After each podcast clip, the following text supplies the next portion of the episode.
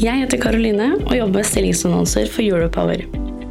Europower har mer enn 7000 abonnenter, og podkasten du nå lytter til, har mer enn 300 ukentlige lyttere. Hvis du er på jakt etter ny jobb, se stilling.europower.no. Ta også gjerne kontakt med meg dersom du ønsker å annonsere ledige IT-stillinger i fornybar energibransje.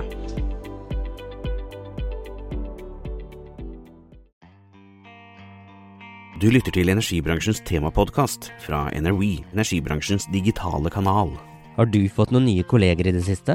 Oljeselskapet Panion Energy jobber nå for å supplere geologistaben, men denne gang er det ikke snakk om å supplere med mennesker. Nå skal Panion Energy ta bruk av maskinlæring og løfte frem digitale geologer som skal hjelpe menneskene i organisasjonen. Jeg heter Skjul Kristian Aamodt og er administrerende direktør i Energy, energibransjens digitale kanal. I denne podkastepisoden ønsker jeg å lære mer om digitaliseringssatsingen i Panion Energy. Sendingen presenteres av Pandion Energy og Komputas. Kine Årdal er digitaliseringsansvarlig i Pandion Energy. Jeg ber henne forklare hvordan de skal løfte frem de digitale geologene. Ja, det går på det at vi ønsker nå å virkelig skyte fart på eh, digitaliseringen. Og vi ser at vi trenger da å komplementere med kompetansen vår. Så vi gikk da til Computas, som har god kompetanse innenfor eh, datafagene, innenfor data science og computer science og maskinlæring. Stopp en hal, nå ble det litt mange fremmedord. Vi ber Morten Forfang i Kompetas om et lynkurs. Først, hva er maskinlæring? Maskinlæring er jo egentlig bare det at maskiner prøver å gjøre det som mennesker er så innmari gode til, problemløsning og den slags type ting, og så bytter du ut måte mennesket med en maskin som gjør tilsvarende type ting, da, og at den blir bedre over tid når den observerer mer av virkeligheten. Så blir den bedre, sånn som vi mennesker også blir. Eh, er det det samme som kunstig intelligens, eller er det noe annet?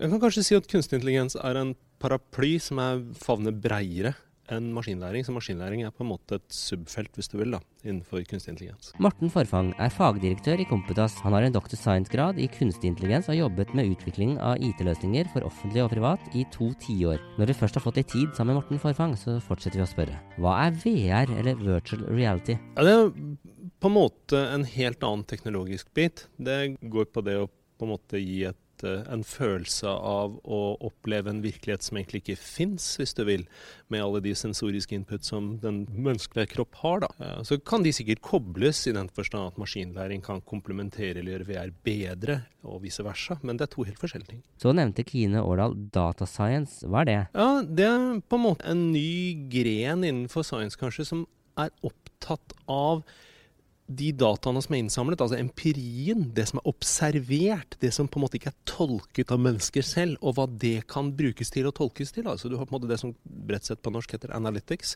som på en måte det er å tygge på nettopp sånne empiriske, ufortolkede data og se mønstre i den menneskelige type ting. Og de som holder på med sånt, de er ofte data scientists. Kompedas er Google Cloud Premier Partner, og sammen med Google skal de støtte Pandion Energy på deres digitaliseringsløp. Folk flest kjenner Google som en søkemotor og som e-posttjenesten Gmail.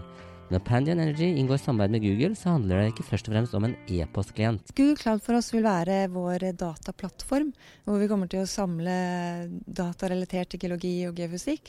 Vi må stoppe litt opp igjen. For oss som ikke til vanlig jobber med geologi og geofysikk, så virker dette litt gresk. Vi starter med å be Kine Årdal forklare hva undergrunnsdata er. Så hvorfor vi kaller det undergrunnen, er fordi at det her dataene de, de, de, beskriver jo hva som er langt under havoverflaten. Der vi ser etter våre reservoarer for potensielt olje og gass. Så evaluerer vi undergrunnen for å finne nye prospektmuligheter og forstå reservoarene i undergrunnen. Men hva handler digitalisering i Pendin Energy om? For oss så handler det i hovedsak om å forbedre denne letearbeidsprosessen. Eh, kunne finne nye muligheter for olje og gass på norsk sokkel. Eh, og så er det at de store funnene, de på en måte åpenbare eh, muligheten for olje og gass er allerede funnet, så nå må vi tenke smartere. Og Der kommer vi på del to, hvorfor vi ønsker å gjøre digitalisering. Det er rett og slett det å bruke data, integrere data på nye måter. Og få hjelp til å se nye trender og innovative muligheter. Olje- og gassindustrien bruker store summer på digitalisering. Hvor stort er potensialet for disse investeringene? Jeg tenker det er et potensial i nettopp det å få ny innsikt i dataene vi, vi har i dag, og det å kunne finne gjenværende olje- og gassmuligheter. Eh, nettopp fordi at eh, vi får integrert og kombinert data på nye måter. Både geologi og fysikk og geofysikk, og kanskje andre fagdisipliner også. Og man det finner ting som ligger gjemt, som vi kanskje ikke ser. Så det er nettopp det å få enda mer ut av ressursene vi har på norsk sokkel. Pandion Energy jobber altså sammen med bl.a. Kompetas og Google for å utvikle digitale geologer. Hva betyr det for menneskene i organisasjonen? Vil de bli overflødige og miste jobben? Nei, det vil si at menneskene de kommer til å jobbe på en annen måte. Eh, For vi trenger fortsatt den kompetansen som vi mennesker og vi geologene sitter på. Eh, Men vi trenger hjelp, til, eh, hjelp fra maskinene, fra algoritmene, og til å kunne håndtere de store datamengdene. Og også kunne få ny innsikt. Kine Årdal forklarer at for å lykkes er det viktig å tørre å tenke nytt. Man må rett og slett få et nytt digitalt mindset. Eh, Det er en ny arbeidsflyt. så Det å kunne jobbe med dataen, det å jobbe datadrevet, det, er, eh, det, krever noe nytt. Så vi må jobbe med denne kulturelle endringen, og vi må jobbe med digital kompetanse i teamene. eh, kunne, samtidig som vi utvikler nye løsninger, igjen for å kunne ta det i bruk og finne nye muligheter. Men hvordan skal man få menneskene med på laget? Vi må overbevise om at det har eh, igjen effekten av 'what's in it for me'. Eh, virkelig vise det at eh, disse løsningene gjør det enklere å jobbe. Eh, det at geologene kan få lov til å slippe å punche data og bruke veldig mye tid på å lete, men faktisk bruke kompetansen deres på det de er utlært for å, for å gjøre. Eh, så igjen, det jeg opplever er at når du begynner å presentere disse mulighetene, og særlig også henvise til at de faktisk kan bruke tid på å evaluere og ikke punche data, så opplever jeg at flere blir mer og mer med på den reisen. Og, eh, og da gjennom kompetanse og kurs og inspirasjon, så, så begynner ballen å rulle, og så blir man med. Hvis vi ikke har med oss de menneskene som tross alt har alt det gode i hodet som de har, og de erfaringene har, så, så kommer vi til å feile uansett.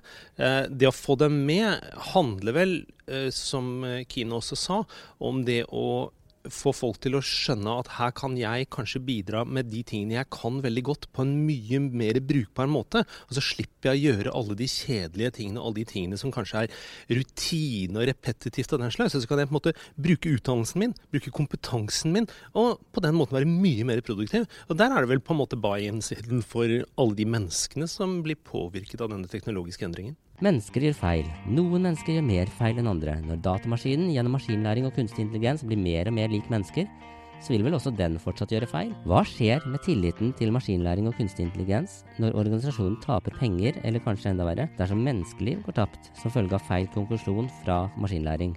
Det er et veldig fint spørsmål. Maskinlæring og kunstig intelligens feiler hele tiden, feiler masse. De blir kanskje gradvis bedre gitt riktige forhold, men de feiler masse. Og jeg tror vi skal håndtere det eh, akkurat på samme måte som vi egentlig håndterer mennesker som gjør det. Altså De må på en måte inn i et miljø hvor man nettopp blir opplært, og man får en treningsperiode, en prøveperiode hvis du vil, og hvor man i økende grad får ansvar og tillit etter hvert som ting går bra. Og så er det på samme måte som med mennesker, slik at maskinlæring og agen kunstige agenter, altså maskinagenter, kan, kan feile, helt åpenbart. Eh, Så det må sikres på samme metodiske, iterative måte som vi gjør med mennesker. Pandion Energy samarbeider bl.a. med Aker BP på Valhall-feltet. Karl Jonny Hersvik, som er toppsjef i Aker BP, fronter det de kaller Data Liberation Front. Hva er dette, og hvordan påvirker det Pandion Energy? Eh, Først og fremst så går det, Jo mer data vi har tilgjengelig eh, for denne type analyser, jo bedre innsikt kan vi få i undergrunnen også. Eh, så igjen, eh, F.eks. i de områdene der vi er partner i en lisens, så er det svært naturlig, naturlig å kunne dele dataene effektivt. Sånn som det er i dag, så er det ikke nødvendigvis så lett å dele disse dataene, fordi at eh, de kan være låst i ulike applikasjoner eller i ulike siloer for noen form. Så det å åpne opp for en data liberation front vil jo gi en mulighet for å kunne dele data, legge til rette for å dele den type data på en effektiv måte, gjennom å få en bredere forståelse for undergrunnen. Men hva skal Kompetas bistå med inn i prosjektet? Vi hjelper jo for mange bransjer, men også oljebransjen, med det å hjelpe gode, velutdannede aktører, geoscientists, den slags type ting, til å gjøre jobben sin bedre.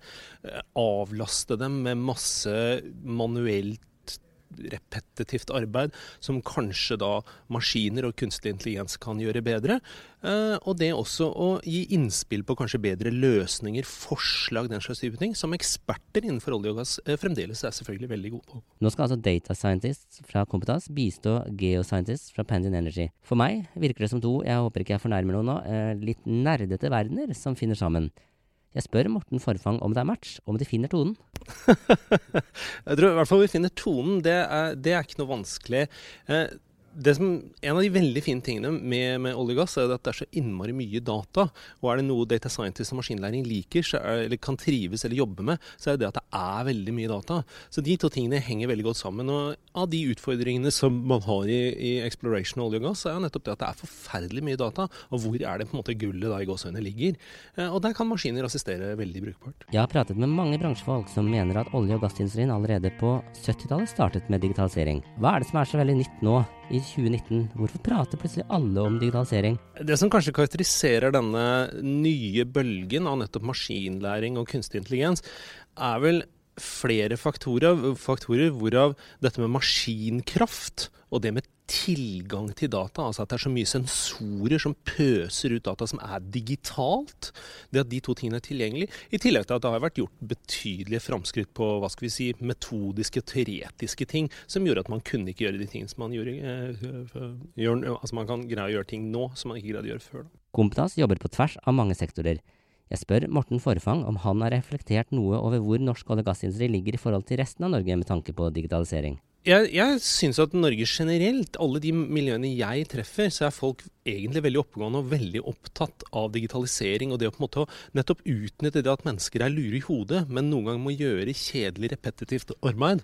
Og det er jo egentlig en veldig fin ting. Og der er eh, min opplevelse så langt er at uh, olje- og gassektoren er vel så opptatt av det som veldig mange andre sektorer i det norske samfunn. Kerogen Capital er største eier i oljeselskapet Pandion Energy. Vi spør Kine Årdal om hvordan eierne støtter opp om selskapets satsing på digitalisering. Eierne våre de støtter oss fullt og helt. Det er eh, Kerogen Capital var de som eh, var initiativtagere til nettopp å starte den digitaliseringsprosessen.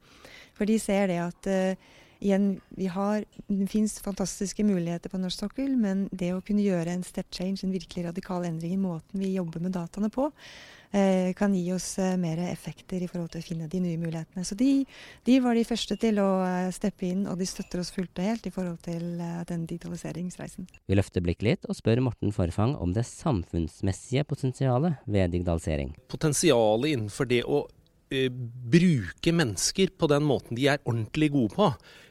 og gjøre de mye mer produktive, det potensialet er nok på samfunnsnivå veldig stort.